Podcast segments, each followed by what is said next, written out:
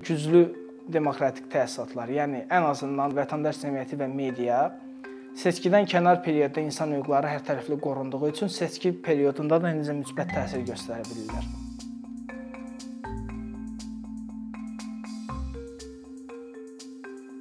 Seçkilər əhəmiyyətli siyasi hadisə kimi demokratik prosesin əvəzolunmaz bir parçasıdır. Amma seçkilərə təkcə siyasi pəncərədən baxış onun insan hüquqlarından asılılığını anlamağa imkan vermir. Yəni bir seçkinin keyfiyyətinə yalnız gücün ötürülməsi, namizədlər arasında rəqabət və yaxud qısa müddətdə nəzərə alınan, qeydə alınan saxtakarlıqların fonunda qiymət vermək çətindir. Bu sahədə ümumi konsensus belədir ki, bir seçkinin keyfiyyətini qiymətləndirmək üçün birdən çox amil var və onları ümumiyyətlə ümumiləşdirmək çətindir. Amma ən çox istifadə olunan amillər hansı ki, azad və ədalətlilik, bərabərlik, dövrlük, bunlar e, fundamental insan hüquq və azadlıqları ilə birbaşa e, birbaşa bağlıdır. Və təsadüfi deyil ki, bu sadaladığım amillərin hər biri insan hüquqlarına dair beynəlxalq sənəd, nüfuzlu beynəlxalq sənədlərdə yer alıb. Bura aiddir Ümumdünya İnsan Hüquqları Bəyannaməsi, mülki və ə, e, siyasi hüquqlar üzrə beynəlxalq pakt, Avropa İnsan Hüquqları Konvensiyası və s. Amma bu münasibəti biraz dərindən incələməyə ehtiyac var. Yəni insan hüquqları yalnızca beynəlxalq sənədlərdə yer alan xoş ifadələr deyil, onlar seçkiyə geniş mənada təsir edirlər. Mən deyərdim ki, insan hüquqlarının seçkiyə təsiri təkcə seçkilər periodunda yox, həm də seçkilər arası perioddadır. Təkcə seçki periodunu nəzərə alsaq, yəni bu seçkilərin elan olunması ilə nəticələrin açıqlanması arasındakı perioddur. Burada deməli insan hüquqları baza prinsipləri formalaşdırırlar. Bura aiddir daha çox yenə də azad və ədalətlilik, rəqabətlilik, dövrlük, səsvermənin gizliliyi və universallığı, təbliğat təşviqat kampaniyasının necə keçirilməsi, seçki ilə bağlı şikayətlərə hansı səviyyədə baxılması, seçim imkanlarının bolluğu və s. Bütün bunlar insan hüquqları ilə birbaşa bağlı anlayışlardır. Ən bəsit formada izaha başlasaq, sərbəst toplaşma azadlığı seçki üçün əhəmiyyəti əvəz olunmaz olan yığıncaq və toplantıları keçirməyə imkan verir. Birləşmək hüququ müxtəlif qurum, təşkilat və partiyalara maneəsiz olaraq formalaşmağa və seçkidə iştirak etməyə şərait yaradır. İfadə azadlığının yaratdığı imkanlar çox daha genişdir. İlk öncə bu dövrlülük prinsipindən başlaya bilərik. Dövrlülük prinsipi ifadə azadlığının tərkibində onu bildirir ki, insanlar əgər mövcud siyasət, rejim, şəxs və yaxud partiyanı bəyənmirlərsə, onların heç olmasa bir neçə ildən bir, yəni dövrü olaraq keçirilən seçkilərdə özlərini ifadə etmək şansları var. Və səs vermənin gizliliyi onu bildirir ki, onlar heç bir hədə, təzyiq, təhdid altında qalmadan anonim qaydada öz səslərini bildirə bilərlər. Digər tərəfdən həm də ifadə azadlığı ona şərait yaradır ki, kifayət qədər namizəd yenə təhdid, hədə və yaxud digər formada təzyiqlərlə üzləşmədən irəli çıxa bilsinlər, namizəd kimi iştirak edə bilsinlər. Siyasi debatlarda iştirak edəsinlər, ideyalarını yaya bilsinlər və avtomatik elə bir mənzərə yaranır ki, bir vətəndaşın seçicinin qarşısında kifayət qədər namizəd var və onlar müxtəlif fikirləri dinləyə, bəyəndikləri insanı seçə bilərlər və onların seçim imkanları əsas odur ki, onların seçim imkanları boldur və onlar bir partiyadan, şəxsdən asılı vəziyyətdə qalmırlar. Ayrı seçkiyə məruz qalmamaq hüququ onu ifadə edir ki, əhalinin bütün qrupları seçki, ümumiyyətlə seçki prosesi, onların seçki dövrdə hüquqları ilə bağlı məlumatlandırırlar. Bunlardan bundan kənarda qalmırlar. Seçib seçilmək hüququ ilə bağlı olaraq heç bir şəxs əsassız olaraq bu hüquqdan məhrum olunmur. Effektiv, yəni məhkəmə e, ədalətli məhkəmə araşdırması hüququ onu bildirir ki, ham hamıda bu təminat var ki, onların seçki periodunun istənilən bir dövründə qarşılaşdığı pozuntulara vaxtında ixtisaslaşmış bir qurum tərəfindən və effektiv qaydada baxılacaq. Yəni bu sadaladıqlarım hər hansı bir seçkinin keçirilməsi üçün ən bəsit, ən baza prinsiplərdir. Bu prinsiplərə əməl olunmadan keyfiyyət bir yana ümumiyyətlə bəsit seçki prosedurlarını təsəvvür etmək çətindir. Ancaq insan hüquqlarının seçkiyə təsiri təkcə seçkilər periodu ilə məhdudlaşmır. Seçkilərarası periodda da insan hüquqları vacibdir. Belə deyək, biz çox vaxt eşidirik ki, hər hansı bir seçki barədə bu ifadəni işlədirlər ki, sırf seçki periodunda kobud pozuntular qeydə alınmasa da, seçkilər elə bir mühitdə keçirilmişdi ki, onun keyfiyyəti artıq sual altında qalıb. Bu da təsadüfi deyil, insan hüquqları ilə birbaşa bağlıdır. Çünki elə insan hüquqları var ki, onların seçkidən kənar periodda qorunmaması seçki dövrünə də öz mənfi təsirini göstərir. Yəni İnsan hüquqları bizim həyatımıza gündəlik olaraq təsir göstərir və necə ki biz təkcə seçki dövründə, seçki periodunda mövcud olmuruq, insan hüquqlarının əhəmiyyəti də seçkilər olmayan periodda azalmır. Mən deməli insan hüquqlarının seçkidən kənarda periodunu belə ümumiləşdirərdim ki, elə demokratik institutlar var ki, onların formalaşması üçün seçkilər olmayan periodda belə insan hüquqlarının böyük əhəmiyyəti var. Bu nümunəni əsasən media və media orqanları və vətəndaş cəmiyyət təşkilatları üzərindən vermək istəyərdim. Yəni belə ki, güclü media və vətəndaş cəmiyyəti institutları yalnız insan hüquqlarının hər tərəfli qorunduğu mühitdə mümkün olar. Yəni bu mühitdə ifadə azadlığı və birləşmə hüququnu tanıdığı imkanlarla artıq media qurumları və yaxud vətəndaş cəmiyyəti institutları maneəsiz olaraq formalaşırlar, formalaşa bilirlər. Qeydiyyat və s. digər bürokratik əngəllərlə üzləşmirlər. Hər hansı bir senzura ilə rastlaşmadan fəaliyyət göstərə bilirlər.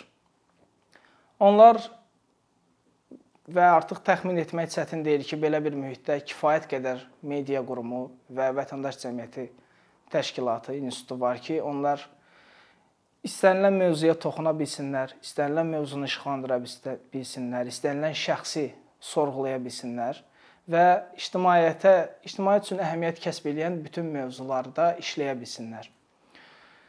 Onlarla əməkdaşlıq edən şəxslər azadlıq və toxunulmazlıq hüququ qorunduğu üçün, ayrı-seçkiyə məruz qalmaq hüququ qorunduğu üçün insan hüquqları və yaxud peşəkar jurnalistika fəaliyyətinə görə daim həbs, təzyiq, hədə, işgəncə və yaxud qarayaxma kampaniyaları ilə üzləşmirlər.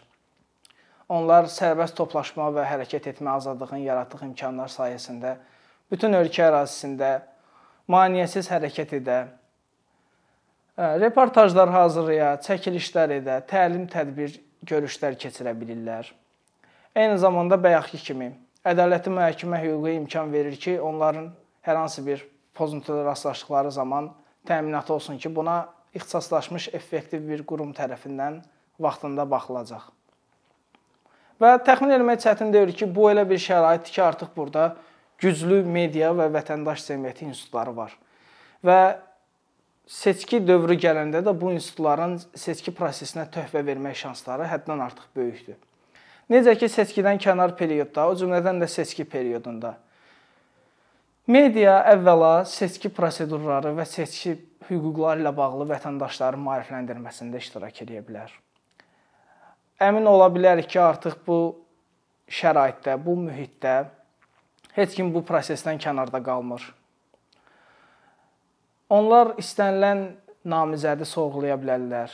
İstənilən qurum və yaxud şəxsə istənilən sualı verə bilərlər. Çünki artıq insan hüquqları yaxşı qorunur, bütün şərtlər təmin olunur. Onlar təzyiq, təhdid hədə ilə üzləşmirlər. Vətəndaş cəmiyyəti institutları o cümlədən seçkinin monitorinqini təşkil edə bilərlər. Seçki administrasiyası ilə məşğul olan qurumlarla əməkdaşlıq şəraitində çalışa və seçkinin idarə etməsində effektivliyi, şəffaflığı, hesabatlığı artıra bilərlər. Həm media qurumları, həm vətəndaş cəmiyyəti institutları daha yaxşı seçkilərin daha keyfiyyətli formada keçirilməsi üçün siyasət sənədləri irəli sürə bilərlər. Tövsiyələr irəli sürə bilərlər və onların icrasını nəzarət edə bilərlər. Söz yox ki, bu siyahını çox da uzatmaq olar. Mən şərti olaraq ilkin anlayışları bildirirəm ki, güclü demokratik təsisatlar, yəni ən azından bu iki nümunədə vətəndaş cəmiyyəti və media seçkidən kənar periodda insan hüquqları hər tərəfli qorunduğu üçün seçki periodunda da necə müsbət təsir göstərə bilirlər. Bu mühitin tamamilə əksini təsəvvür eləsək, bu elə bir mühitdir ki, vətəndaş cəmiyyəti institutları və media qurumları formalaşma zamanı xeyli əsassız, qeyri-qanuni əngəllərlə rastlaşırlar. Çoxsaylı senzuralar var. Peşəkar jurnalistika fəaliyyətinə başlamaq üçün xeyli sayda maneə var. İnsan hüquqları və yaxud peşəkar jurnalistika fəaliyyətinə məşğul olan şəxslər daim təzyiq, təqib, hədə, həbs, bəzən işgəncə halları ilə üzləşirlər. Bu xəyali e, deməli mühitdə, hansı ki bəzi ölkələrdə bu heç xəyali də deyil. Ədalətin məhkəmə araşdırması hüququ yoxdur. Onlar bilirlər ki, qarşılaşdığı pozuntularla belə bağlı ədaləti təmin etmək çətindir və burada ümumi cəzasızlıq mühiti var. Və belə bir mühitdə, hansı ki bu mühit artıq repressivdir və artıq təsəvvür etmək olar ki, bu mühitdə vətəndaşların ümumiyyətlə siyasi idarə etmədən ya məlumatları azdır, ya da siyasi həyatda iştirakdan çəkindirilirlər. Və belə bir mühitdə seçkilər elan olunan günü gecə ilə güclü demokratik institutların yaranacağını və seçkiyə müsbət təsir edəcəyini düşünmək təbii ki, absurd olar. Dediyim kimi, insan hüquqları seçki dövründə baza normativ prinsipləri yaradırsa, ki bu prinsiplərə əməl olunmadan ən bəsit seçki prosedurlarından söhbət gedə bilməz. Seçkilər arası periodda da insan hüquqlarının əhəmiyyəti itmir. Onların qorunduğu mühit demokratik institutların formalaşdığı, gücləndiyi mühitdir ki, onlar seçki dövründə də təsir imkanlarını artıra bilərlər, seçkinin keyfiyyətini qaldıra bilərlər. Təsadüfi deyil ki, Seçkilərin monitorinqi üzrə ixtisaslaşmış beynəlxalq nüfuzlu təşkilatlardan biri kimi ATƏT-in Demokratik Təsisatlar və İnsan Hüquqları Bürosu da seçkilərin keyfiyyətini dəyərləndirmək üçün bir də seçkiyə qiymət verdiyi sənədlərdə ən azı seçki periodunda sadaladığı amillərə, yəni insan hüquqlarına toxunur və onların hansı formada qorunması seçkinin də keyfiyyətinə təsir edir və yaxud onlar da göstərirlər ki, bu necə seçkiyə təsir göstərib. Digər tərəfdən akademik çevrələrdə getdikcə daha çox istinad olunan bir indeks var. Electoral Integrity Index, belə deyək, seçkinin bütövlüyü indeksi. Bu seçkiyə dair bütün anlayışların geniş bir akademik layihə kimi bütün anlayışları bir yerə cəmləyir və müxtəlif ölkələrdə bu günə kimi yüzlərlə seçki qiymətləndirib. Və elə yeri gəlmişkən yenə təsadüfi deyil ki, biz görürük ki, o ölkələr ki, repressiv mühitlə seçilirlər. İnsan hüquqları və insan hüquq müdafiəçiləri daimi təzyiq, təqib altındadılar. Əsassız qadağalar, həbslər hökm sürür. O ölkədə keçirilmiş seçkilər yeri gəlmişkən bu seçkinin bütövlüyü reytinqində də aşağı pillələrdə yer alırlar. Və bu nümunənin əksi də doğrudur ki, hansı ölkələr ki, insan hüquqlarında qabaqcıl mövqe nümayiş etdirirlər, insan hüquqlarının daha yaxşı qorunması ilə bağlı yüksək belə deyək performans sərgiləyirlər. Həmin ölkələrdə keçirilmiş seçkilər də bu reytinqdə yuxarı pillələrdə yer alıblar. Təbii ki, müxtəlif rejimlərdə, müxtəlif amillərdən asılı olaraq seçki qiymətləndirilməsi də dəyişir. Yəni danışdığımız kimi insan hüquqları seçkilərə həm seçki periodunda, həm də seçki periodundan kənarda təsir eləyir. Əgər seçki periodunda bu hüquqların təmin olunması, yəni bu hüquqların təmin olunması dedikdə biz onlara dövlət tərəfindən müdaxilə olunmamasını, üçüncü tərəflərin müdaxilələrindən qorunmasını və səmərəli istifadəyə şərait yaradılmasını nəzərdə tuturuq. Yəni hüquqların qorunduğu mühitdə baza prinsipləri yaradır insan hüquqları və o baza prinsiplərə əməl olmadan ən bəsit seçki prosedurlarını təsəvvür etmək çətindir. Seçkilər arası dövrdə də insan hüquqları elə demokratik təsisatların formalaşmasına rəvac verir ki, şərait yaradır ki, onlar seçki dövründə seçkinin keyfiyyətinə əhəmiyyətli dərəcədə təsir edə bilsinlər. Thank